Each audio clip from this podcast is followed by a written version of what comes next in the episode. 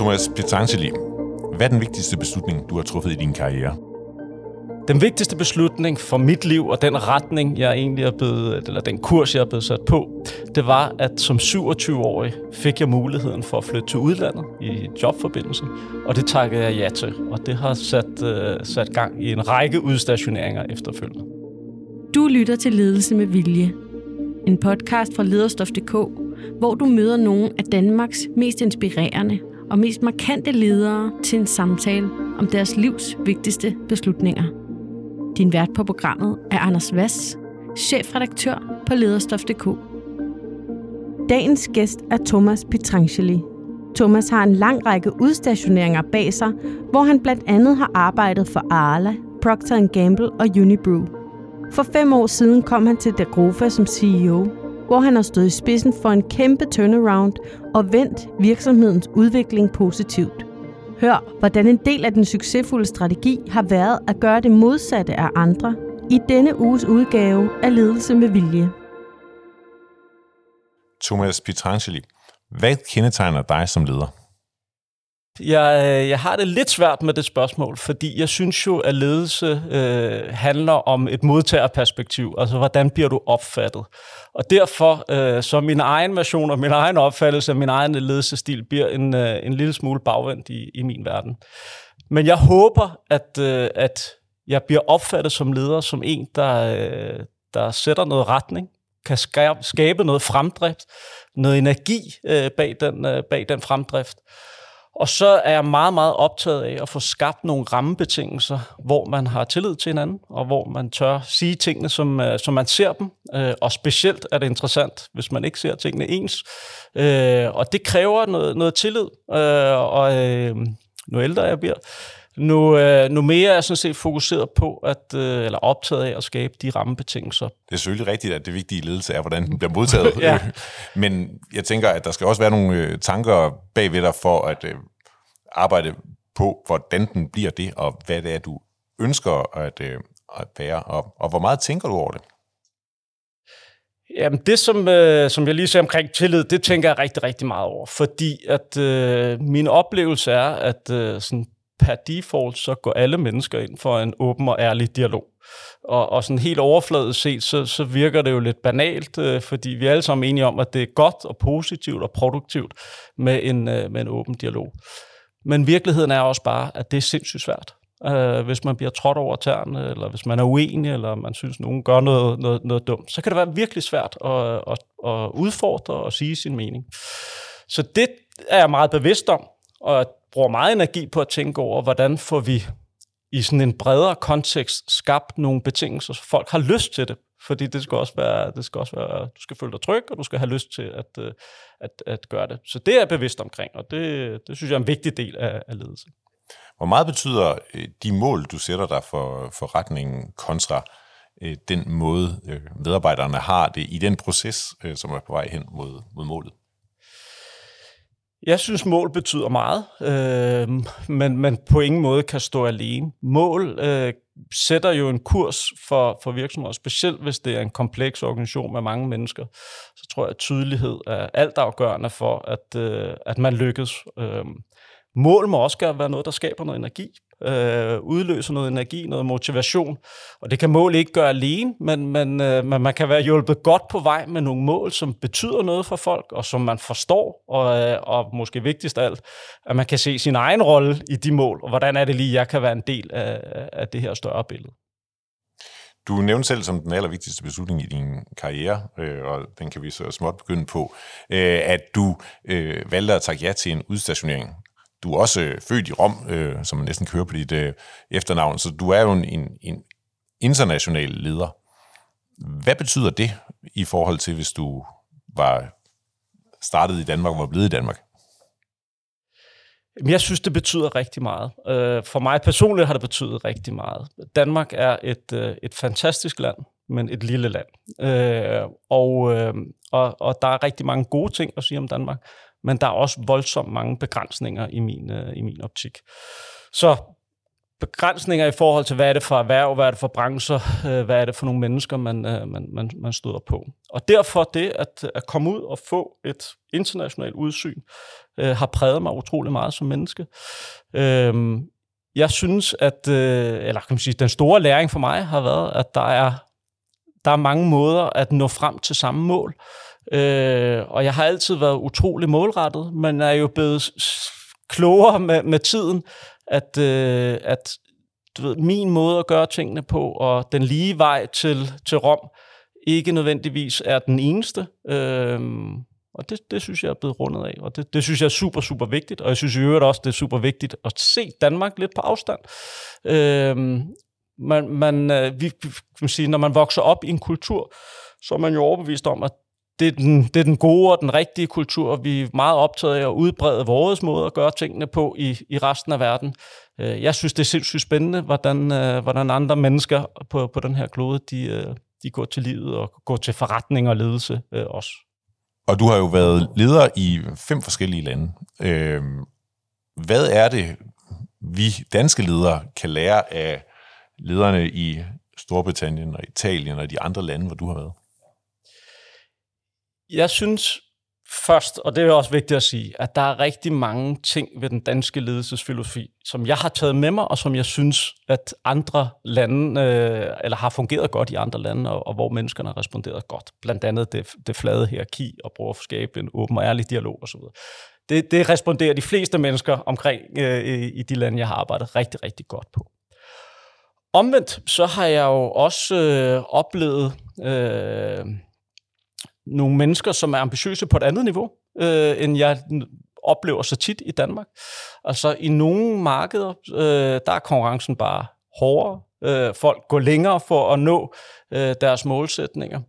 Og det synes jeg også er et vigtigt perspektiv at have i bagagen, fordi specielt hvis man er en international forretning, dem man konkurrerer mod, så er det måske meget godt at vide, hvem, hvem er det, vi er op mod. Og der er altså nogle mennesker, der går, der går meget langt, og som er meget ambitiøse, og som tager nogle hårde øh, livsvalg. Øh, og det er der både kan man sige, noget negativt omkring, men det, men, men det kan også være inspirerende. Er det min på den måde, at der i virkeligheden er noget godt i, at lade os sige helt konkret, at der er nogle steder, de simpelthen arbejder noget mere? Jeg vil ikke sige i tid. Altså, jeg tror, man skal passe på med at gøre det til sådan en uh, indimensionel uh, tids, uh, tidsfaktor. Men, men, men der er mennesker, som, øh, som, som er meget, meget ambitiøse øh, på, på et andet niveau, end jeg tit møder i, øh, i, i Danmark, og det, det synes jeg har været spændende. Jeg arbejdede øh, i England sammen med en, øh, en iraner, og, øh, og han havde en meget, meget anderledes måde at gå til forretning på, end, øh, end, end jeg selv gik til det. Øh, han arbejdede, kan man sige, hans fremdrift var gennem relationer, så han havde et kæmpe netværk af relationer i sit hoved, og arbejdede simultant på at skabe, øh, kan man sige, øh, opbakning eller buy-in til hans, øh, til hans beslutninger med sådan et kæmpe netværk op i hans hoved, som ingen havde overblik ud over ham selv.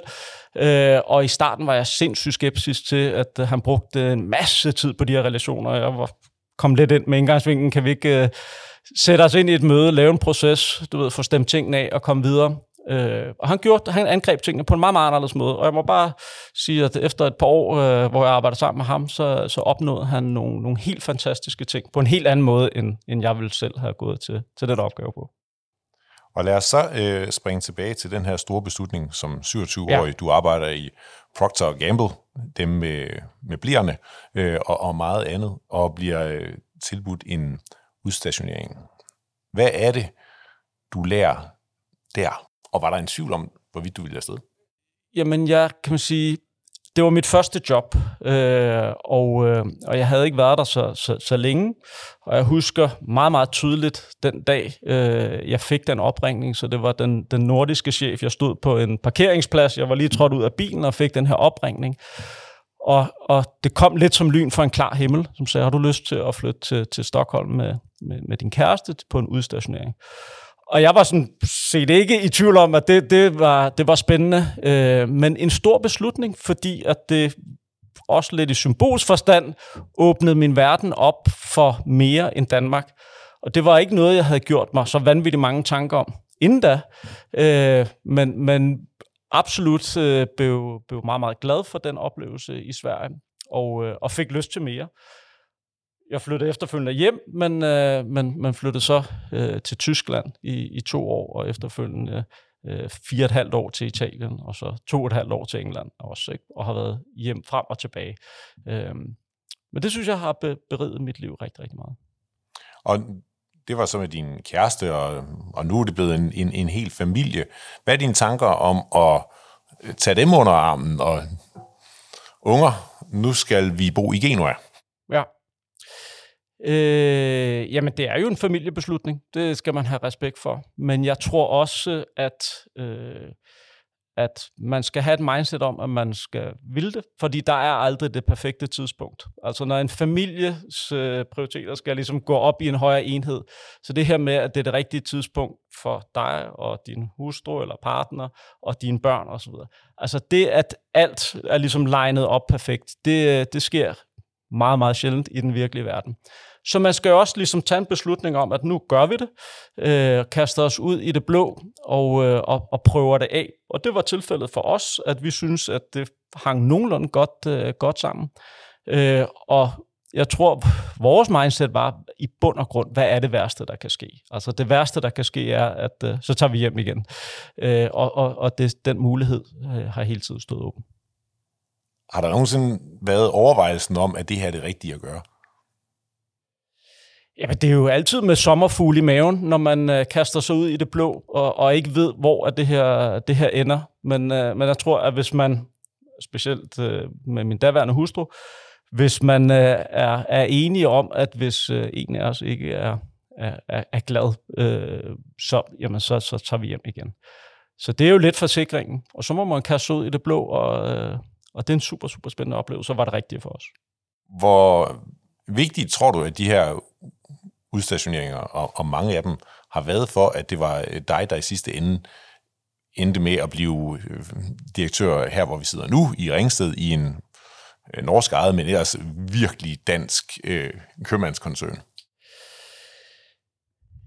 Jeg tror, det har været afgørende for, for mit livsforløb og min karriere, at øh, det har givet nogle muligheder, fordi at øh, de ledelsesudfordringer, jeg har fået, er jeg ikke sikker på, at jeg ville have fået i, øh, i Danmark.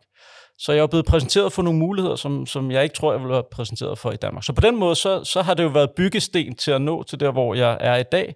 Og der tror jeg, at det, at det har været ude for Danmarks grænser, har været altafgørende for, at, øh, at det lykkes. Har det så været en kvalifikation til Dagrofa-jobbet? Det er jo en meget dansk orienteret virksomhed det, det har det ikke nødvendigvis ud fra et geografisk perspektiv, men den ledelseserfaring har haft kan man sige, store, komplekse virksomheder med stor øh, produktionsfootprint, øh, tror jeg ledelsesmæssigt, jeg selvfølgelig er, er rundet af. Får man bedre muligheder i sin karriere, når man er udlændingen, der er taget ud, med, fordi man gerne vil noget med sit arbejdsliv? Det tror jeg. Altså, øh, jeg har aldrig haft en, sådan en, øh, en, en strangent ka- karriereplan, men jeg har altid haft en bias til at sige ja, og til at løbe lidt risiko, og kaste mig ud i ting. Øh, og, øh, og det gør man jo ved at, øh, at, at søge udlands. Så det her med at, at tage imod muligheder, de muligheder, der opstår, og der er bare flere, hvis din spilleplade er en global spilleplade i forhold til en dansk spilleplade, så vil der være flere muligheder for dig.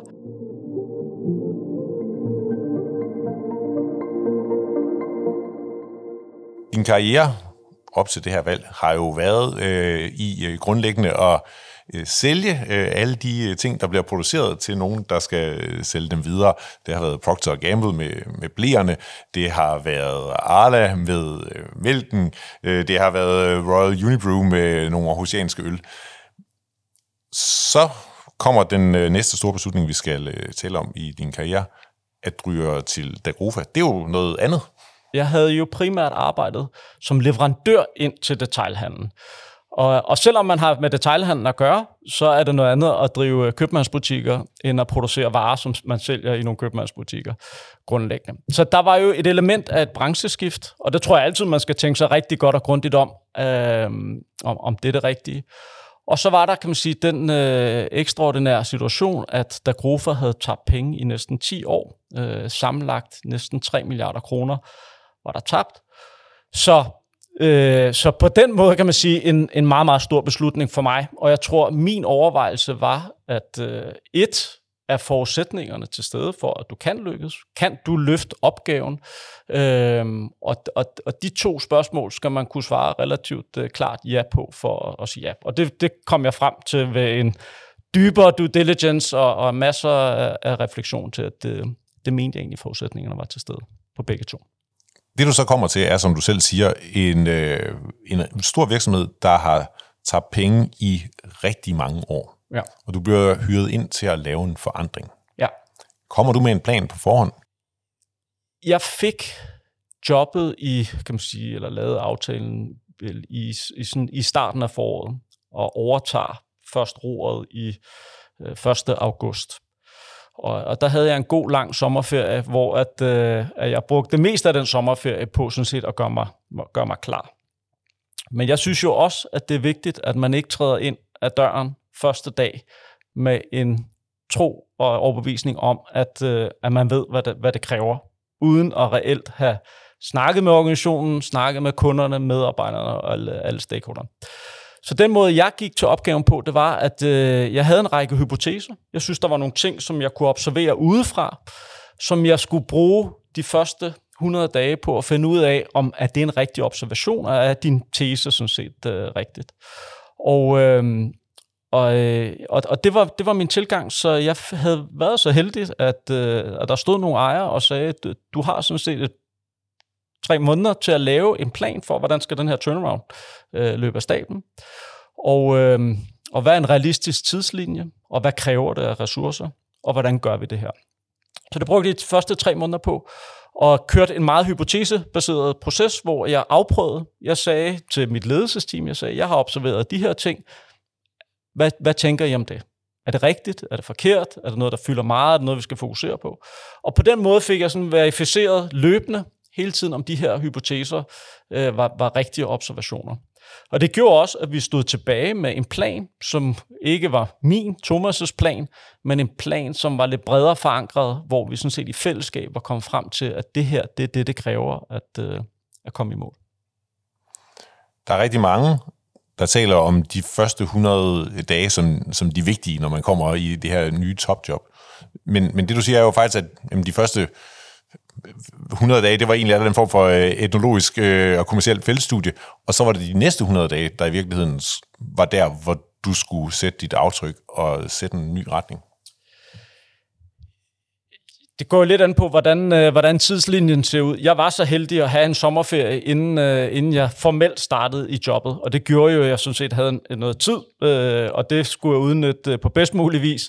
Så, så da jeg trådte ind ad døren, så, øh, så havde jeg været rigtig meget materiale igennem. Jeg havde studeret alle tal, jeg havde fået tilsendt, selvfølgelig læst.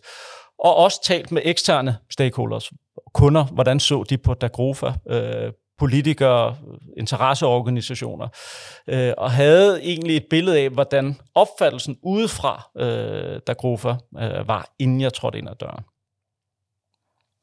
Mange af de ledere, vi taler med, fortæller, at i forbindelse med, med og når de kommer et nyt sted hen, så er det vigtigste at sætte holdet.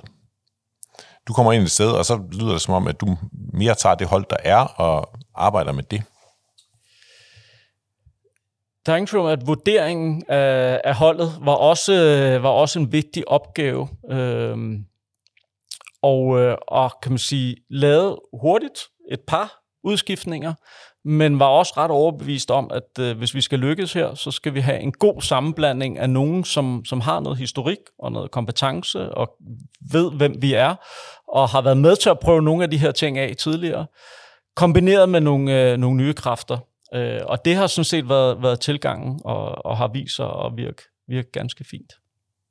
Ja, det må man jo nok sige. Øh, du kommer jo til den her koncern, der i 10 år har øh, smidt penge ud sammen med købmandsvarerne, og får faktisk vendt det til et overskud relativt hurtigt.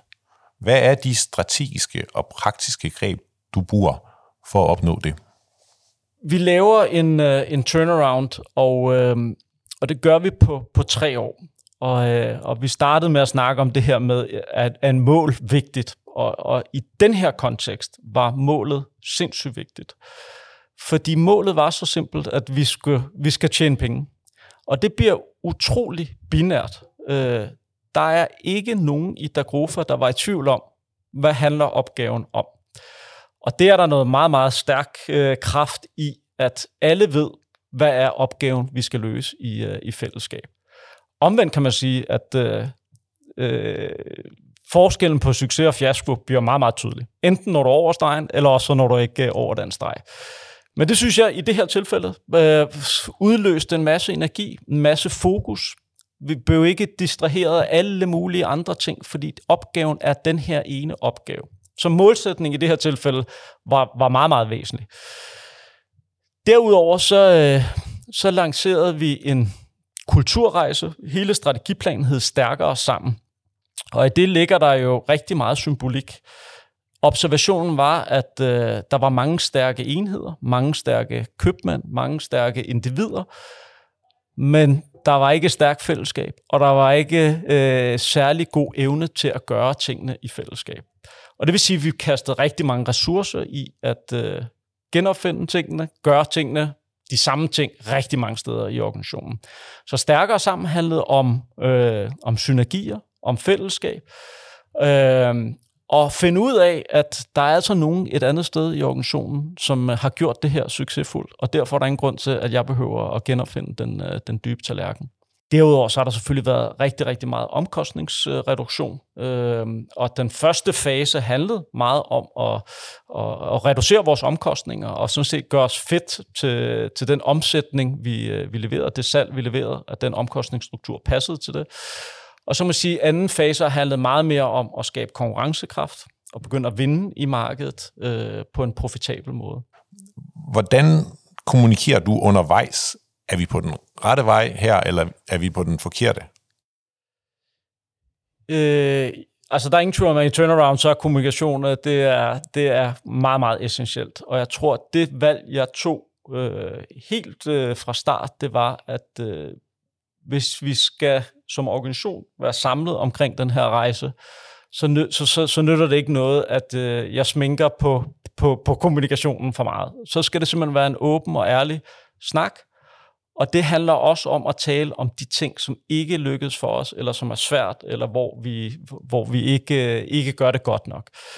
Så det her med at forklare, hvor er det, vi taber penge, hvorfor er det, vi taber penge, og øh, det synes jeg gjorde, at, øh, at der var øh, lyst til forandring, og, øh, og, og bredt organisatorisk blev der også købt ind til den her forandringsrejse. Så det her med at være ærlig omkring øh, rigets tilstand, og, øh, og hvordan det reelt står til, det brugte jeg meget energi på. Så, øh, så havde, kan man sige, town halls og åben kommunikation og skriftlig kommunikation og videokommunikation. Men sådan set løbende, og det kan du sagtens, du kan jo sagtens løbende fortælle, hvordan er resultatskabelsen, selvom man ikke eksternt øh, er ude med, med regnskabsudmeldinger. Hvor meget ønsker du at fylde, altså være ansigtet på øh, Dagrofa? Jeg, jeg forestiller mig, at øh, den, øh, altså, den nye unge arbejder i, øh, i Spar i, i Aalbæk tænker, at han er blevet ansat nede i købmanden af en købmand, øh, og, og der, der er jo et, et stykke op til, til dig. Hvor vigtigt er det, at det, at det du kommer med?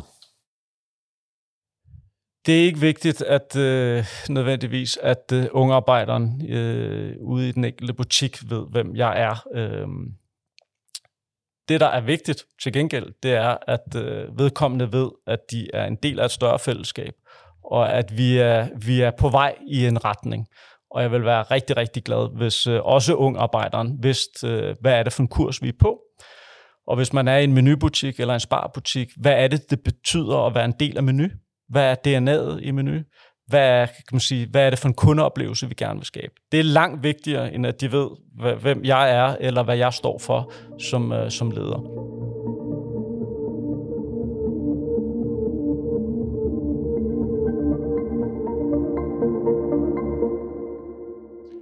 I ledelse med vilje beder vi altid vores hovedpersoner, og det er jo dig i dag, Thomas, om at tage noget med, øh, der siger noget om dem selv, øh, både som menneske og leder. Og øh, du har taget sådan en, øh, en ramme med noget i med. Kan du ikke prøve at beskrive den og fortælle, hvad det er for noget?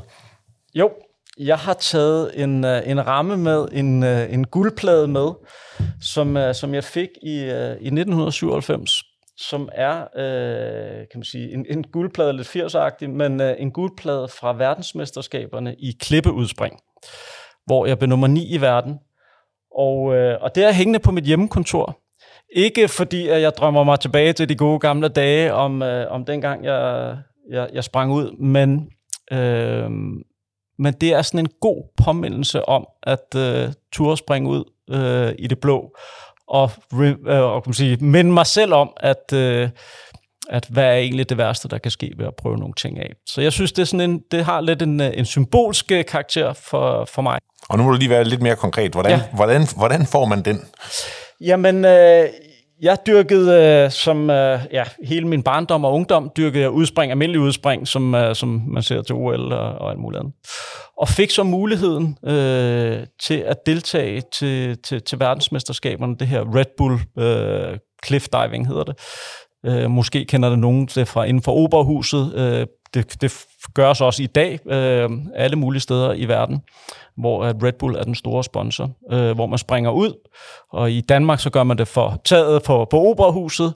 Øh, I det tilfælde her i 97, øh, der, øh, der blev verdensmesterskaberne afholdt øh, i, i Schweiz for en, for en klippe, øh, hvor, vi, hvor vi sprang ud, og hvor der var deltagere fra hele verden. Og, og, og det var jo så en, en konkurrence om at øh, lave en masse saltoer og helst øh, lande så, så flot som overhovedet muligt.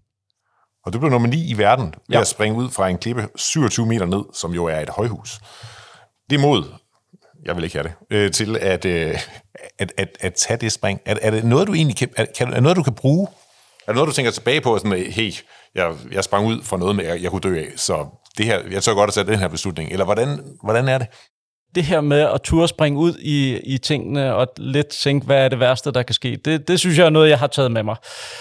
Så man sige, helt, øh, helt grundlæggende, så, øh, så er en af de aller, aller vigtigste evner, det er jo at, at kunne tøjle din angst og holde et fokus og koncentration. For der er ingen tvivl om, at alle klippeudspringere, når de står der, de ved godt, der er meget på spil. Det kan gå forfærdeligt galt, hvis, øh, hvis du ikke lander rigtigt. Øh, så den der sådan, nervøsitet, samtidig med, at du skal koncentrere dig helt 100% på det, du skal til at lave det tror jeg også er en evne til at, ligesom at tøjle sin, uh, sin nervøsitet og, uh, og holde fokus på, hvad er det, jeg skal, jeg skal gøre nu. Det, det, det tror jeg da også, jeg har taget med mig. Nu er det jo super sejt, men man kan også stille det op som om, at du bare for din egen fornøjelses skyld øh, vælger at hoppe ud 27 øh, meter, øh, og noget, du kan dø af. Altså, hvad, hvad siger det om dig som, som menneske? Jamen, det, er jo, det handler jo noget om adrenalin og prøve nogle grænser af, og, øh, og, og det, der er vigtigt jo også lige at holde sig for, at det er ikke sådan, at man vågner op en dag, og så skal man, og det kan jeg klart ikke anbefale, at man, øh, at man fra den ene dag til den anden øh, går ud og gør. Det er jo en gradvis proces, men det her evnen og lysten til at udforske sine grænser og presse sine grænser øh, over tid, øh, det, det, det synes jeg siger noget om, om, øh, om mig som menneske. Du øh, arbejder i... Øh Ringsted, bor et sted i Københavnsområdet, øh, sidder her i en, øh, en hvid skjort på dit kontor, kører bil frem og tilbage. Hvor, hvor får du så ligesom af, øh, afløb for det der fysiske virketræng? Jamen, jeg synes, øh, at, at det at udfolde sig fysisk giver utrolig meget energi. Men jeg tror ikke, jeg adskiller mig øh, for, for så mange andre mennesker lige på, på, på den front. Altså, jeg, jeg cykler, jeg står på ski, jeg elsker at være udenfor. Jeg har bestedet bjerge med min hustru. Øhm, og jeg tror, det er sådan en, det er en, øh, det er en øh, hvad kan man sige, et, et sted, hvor jeg, jeg får energi.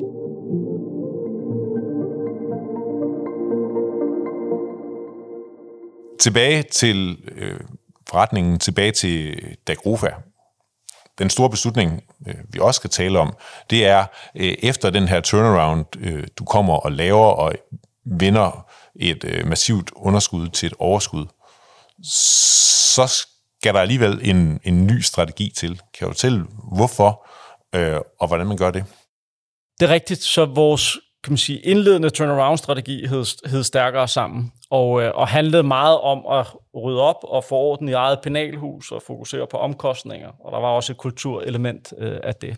Den næste fase, vi går ind i, øh, hedder fremgang sammen, kalder vi øh, strategien, og er øh, væsentligt mere offensiv, handler om at tage blikket øh, for egen navle og kigge mere ud mod øh, specielt kunderne, men selvfølgelig også øh, vores, vores konkurrencesituation og beslutter at være mere, mere offensiv, øh, og også, kan man sige, bevæge os fra kun bundlinjefokus til også at, øh, at kigge mere på markedsandel og på omsætning og vækst.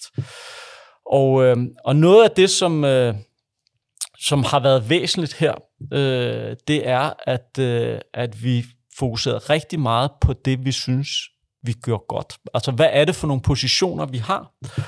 Og jeg oplever, at øh, specielt den her branche, men, men generelt, så er, kan man sige, er der nogle overordnede tendenser, nogle forbrugertendenser eksempelvis, og så løber alle i samme retning. Fordi nu, øh, nu efterspørges det her. Og lad mig prøve at give et eksempel. I mange år, tror jeg, det mest hyppige spørgsmål, jeg fik fra journalister, det var, hvornår lancerer I en online forretning? Øh, alle kan jo se, at der er en efterspørgsel efter at købe dagligvarer online. Hvornår skal I lancere en, on- en online forretning? Og man fik næsten fornemmelsen af, at øh, de sad øh, tilbage og tænkte, at det havde vi ikke øh, observeret, at der var nogle forbrugere i den anden ende, som, øh, som gerne ville have en online forretning. Men vores beslutning var, at vi kan ikke se en forretningsmodel, som er særlig attraktiv. Og det betyder ikke, at der ikke er nogen kunder, som efterspørger det men vores evne til at tjene penge på den efterspørgsel, kunne vi simpelthen ikke få øje på. Og det, det er sådan et, øh, et, et, et svært valg, fordi hvis man hver gang er bestyrelse, af journalister, af venner og bekendte bliver spurgt, hvornår er det, I kommer med den her online forretning, så, øh, så, så, så, er det, så er det, kan det godt være en stor beslutning at sige, det, det skal vi simpelthen ikke, øh, og stå ved det. Og set i bag, øh, bagspejlet, så, øh, så var det helt klart den rigtige beslutning. Og dem har vi haft et par stykker af. Og jeg vil næsten gå så langt og sige, at, øh, at vi forsøger lidt at tænke kontra. Altså hvis alle går i en retning, så kan der faktisk være noget forretning i at gå i den modsatte retning. Discount vinder frem i dagligvarer. Det er utrolig værdi, altså pris- øh, og værdifokuseret. Vi har valgt at sige, vores positioner, der er noget, der hedder, der, der er en hygiejnefaktor, at du skal kunne konkurrere på pris, men vores position i forbrugerens opfattelse skal ikke være pris, det skal være noget andet. Og der har vi to øh, hovedpositioner. Det ene er vores kærlighed til mad, altså sortiment, spændende varer, faglighed, service, inspiration i menu, som jo er meget modsat prisfokus. Det er noget andet, vi fokuserer på. Det er noget andet, vi kan. Så lad de andre snakke om pris, øh, hvor vi snakker om, vi kan bibringe noget andet, og vi synes, at vi står med noget øh, en, en klar anden position. Kvalitet. Ja, og inspiration, og faglighed, og, og service, og alt muligt andet. Og den anden position, det er lokal forankring. Øh, vi leverer dagligvarer ude i en masse lokale samfund, og vi vil i øvrigt rigtig, rigtig gerne spille en rolle i, i det lokale samfund. Og det kan, det kan i og for sig, og det har vi også masser af gode eksempler på, at vi kan gøre det i større byer. Altså det kan være et lokalområde i en større by, hvor købmanden bliver omdrejningspunktet for lokale aktiviteter og øh, byfest, vejfest, alle mulige ting, men hvor man bliver omdrejningspunkt for, for noget, som er større og vigtigere end bare øh, fødevareforsyning. Og, øh, og det er de positioner, som, øh, som vi fokuserer på. Og, øh, og, og det er et stykke væk fra, hvor de fleste af vores konkurrenter de, øh, de kigger hen. Det er jo super interessant, synes jeg, især det, der foregår ude i de øh, små butikker, hvor man ændrer, øh, eller I ændrer det fra at være købmand til at være en eller anden slags public service forsamlingshus. Hvor, hvor meget af det er drevet lokalt, og hvor meget sidder du her på hovedkontoret og opfordrer og hjælper til, at man, altså at dine købmænd derude får den rolle? Det gør vi rigtig, rigtig meget. Også centralt. Øh, lad mig prøve at give dig et eksempel.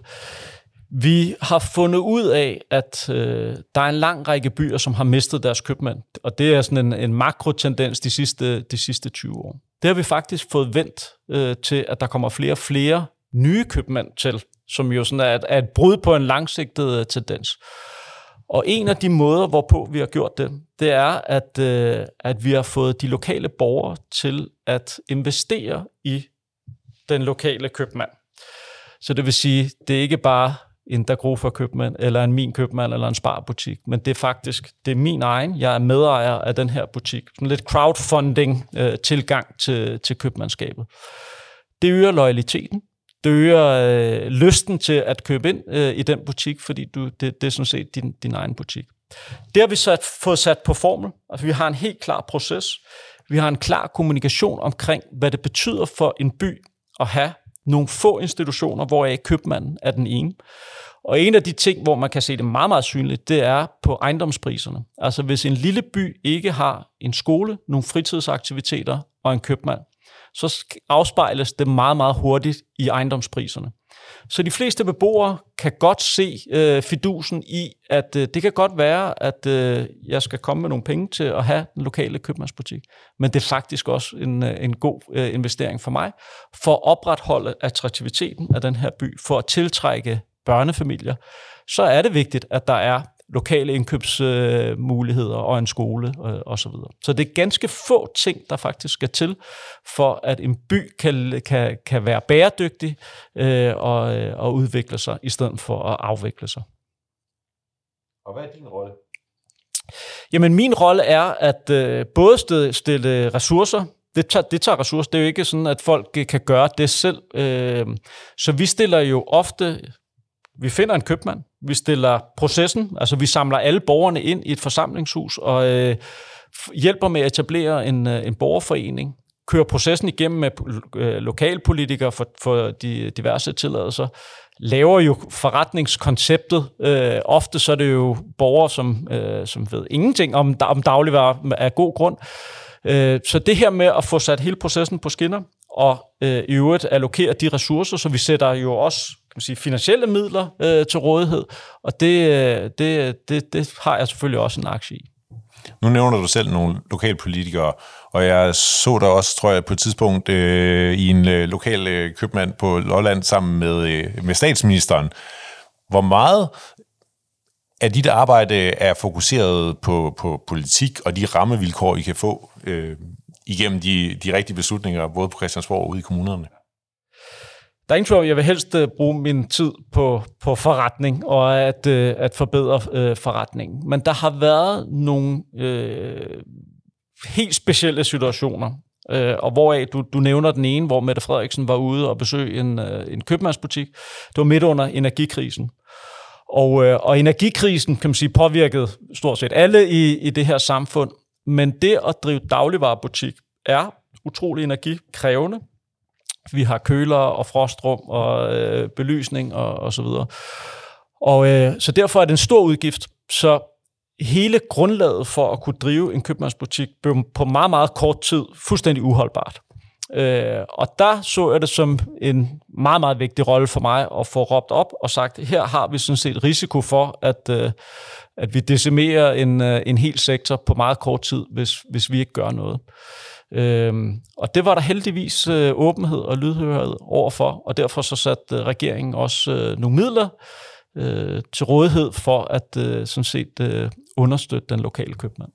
Det er jo interessant det med øh, energikrisen her, øh, som, som du siger, som du har en strategi, øh, du har en plan, det kører, og så lige pludselig kommer der bare noget ind fra siden og øh, fuldstændig ændrer ved jeres mulighed for at tjene penge øh, grundlæggende. Du som topchef er jo den, der har det sidste, i, i sidste ende har ansvaret for, at I er forberedt på, den slags ting kan ske. Hvor meget fylder det hos dig, altså risikoen for, at der kommer noget, som du slet ikke har set? Tidligere var der, øh, var der corona og, og så videre, at der kommer de her øh, voldsomme øh, begivenheder, der kan ændre ja. dine forretningsvilkår. Jeg vil ønske, at jeg kunne sige, at jeg havde forudset øh, både corona og, øh, og energikris, men, men, men det er desværre ikke tilfældet. Og jeg tror, at læringen for, for mig og, øh, og det, vi har gjort organisatorisk, det er jo, at vores, det, vi skal være fokuseret på, det er vores evne til at kunne reagere i de situationer. Og der har vi lært rigtig meget, som, som så mange andre virksomheder, af de to kriser. Altså have agiliteten til at ændre sig på meget, meget kort tid. Øhm, og det synes jeg jo siger rigtig meget om et team, om en organisation, om en kultur, om man kan det. Så det vi som, som ledelse øh, bruger noget energi på, det er at sige, hvordan, hvordan kan vi have nogle processer, hvordan kan vi agere hurtigt i de her situationer, men uden at måske kunne forudse præcis, hvad det er for nogle situationer. Du har en øh, efterhånden ret lang og imponerende karriere bag dig. Hvad er de største fejlbeslutninger, du har truffet undervejs? Jamen, jeg kan godt øh, give et øh, specifikt eksempel. Jeg tillader mig at gøre det, fordi at øh, vedkommende aldrig kommer til at høre den her podcast. Men, men jeg fik som, som, som 34-årig, der bliver direktør for Royal Unibrew i Sydeuropa. Uh, og jeg trådte ind i en ledergruppe med kun italienere, og jeg var også den yngste i den her ledergruppe. Og, øh, og der sad en, øh, en marketingdirektør, som, øh, som synes han skulle have haft mit job. Øh, og øh, havde svært ved at acceptere, at øh, der kom den her unge, øh, halv italiensk danske øh, person flyvende ind fra højre, og, og sådan set havde taget øh, det job, han havde, øh, han havde var, var gået efter. Og der var jeg overbevist om, at når han nu får chancen for at lære mig at kende og øh, synke det her, så skal tingene nok blive godt. Og det gik der nogle år med. Øh, og der burde jeg jo nok have indset efter et år eller halvandet, at det her, det, det lykkes ikke. Og det tog mig alt, alt for lang tid at komme til den erkendelse. Og jeg nåede helt, øh, helt hen på, på, på fire og et halvt år, før jeg reelt tog øh, konsekvensen. Så se i bagspejlet, så kostede det mange blod, øh, meget øh, kan man sige, blod og tårer, og, øh, og, og ikke en, en konstruktiv relation, og det har også påvirket helt klart relation, øh, både relationerne og resultaterne. Det skulle jeg have haft taget konsekvensen af tidligere. Når man når dertil og indser, at det her kommer ikke til at, øh, at, at lykkes.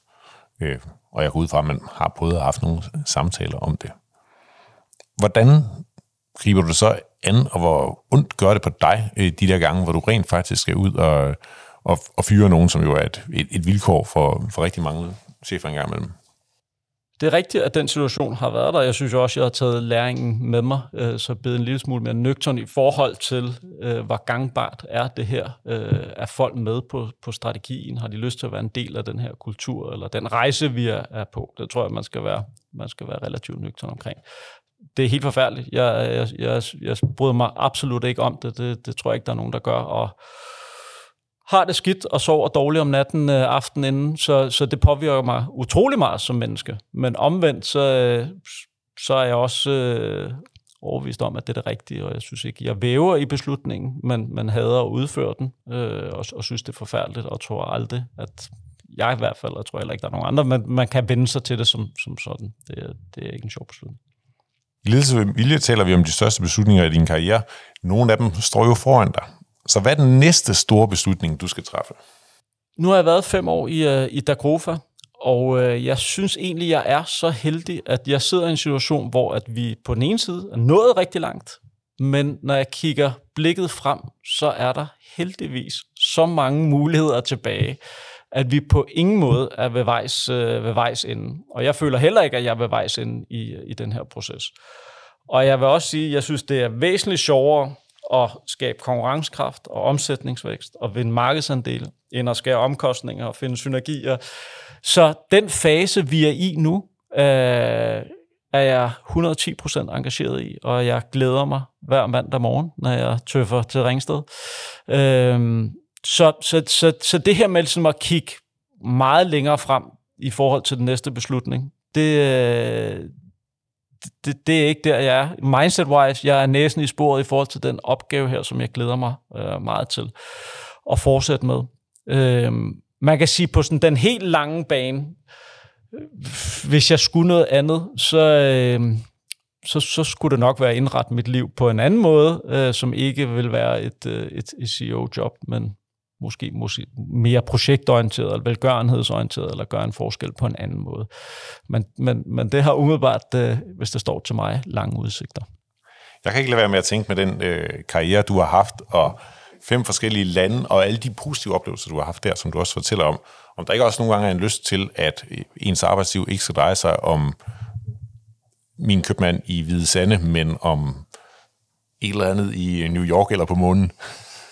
Ja og nej. Altså, jeg, jeg synes jo, jeg har verdens fedeste job grundlæggende. Øh, gør en utrolig stor forskel for rigtig, rigtig mange mennesker.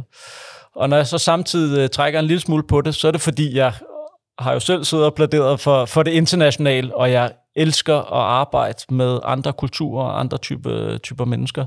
Så det kan jeg da godt øh, savne en gang imellem, men, øh, men, men, men omvendt så, så elsker jeg det, jeg, jeg gør, og jeg føler det som et kæmpe privilegium, at, uh, at det at glæde sig til at komme på arbejde, det, uh, det, det skal man ikke kæmpe sig af. Tak for det, og tak fordi du var med i Ledelse med Vilje. Tak skal du have. Du har lyttet til Ledelse med Vilje, en podcast fra lederstof.dk. Du kan abonnere på podcasten i din foretrukne podcast-app, og vi bliver glade, hvis du også giver os en anmeldelse og nogle stjerner med på vejen. Alle de topchefer, vi taler med i Ledelse med Vilje, deler deres bedste råd om ledelse inde på lederstof.dk. Så gå ind på sitet og få inspiration til, hvordan du selv bliver en bedre leder. Bag lederstof.dk står lederne, Danmarks største interessefællesskab for ledere.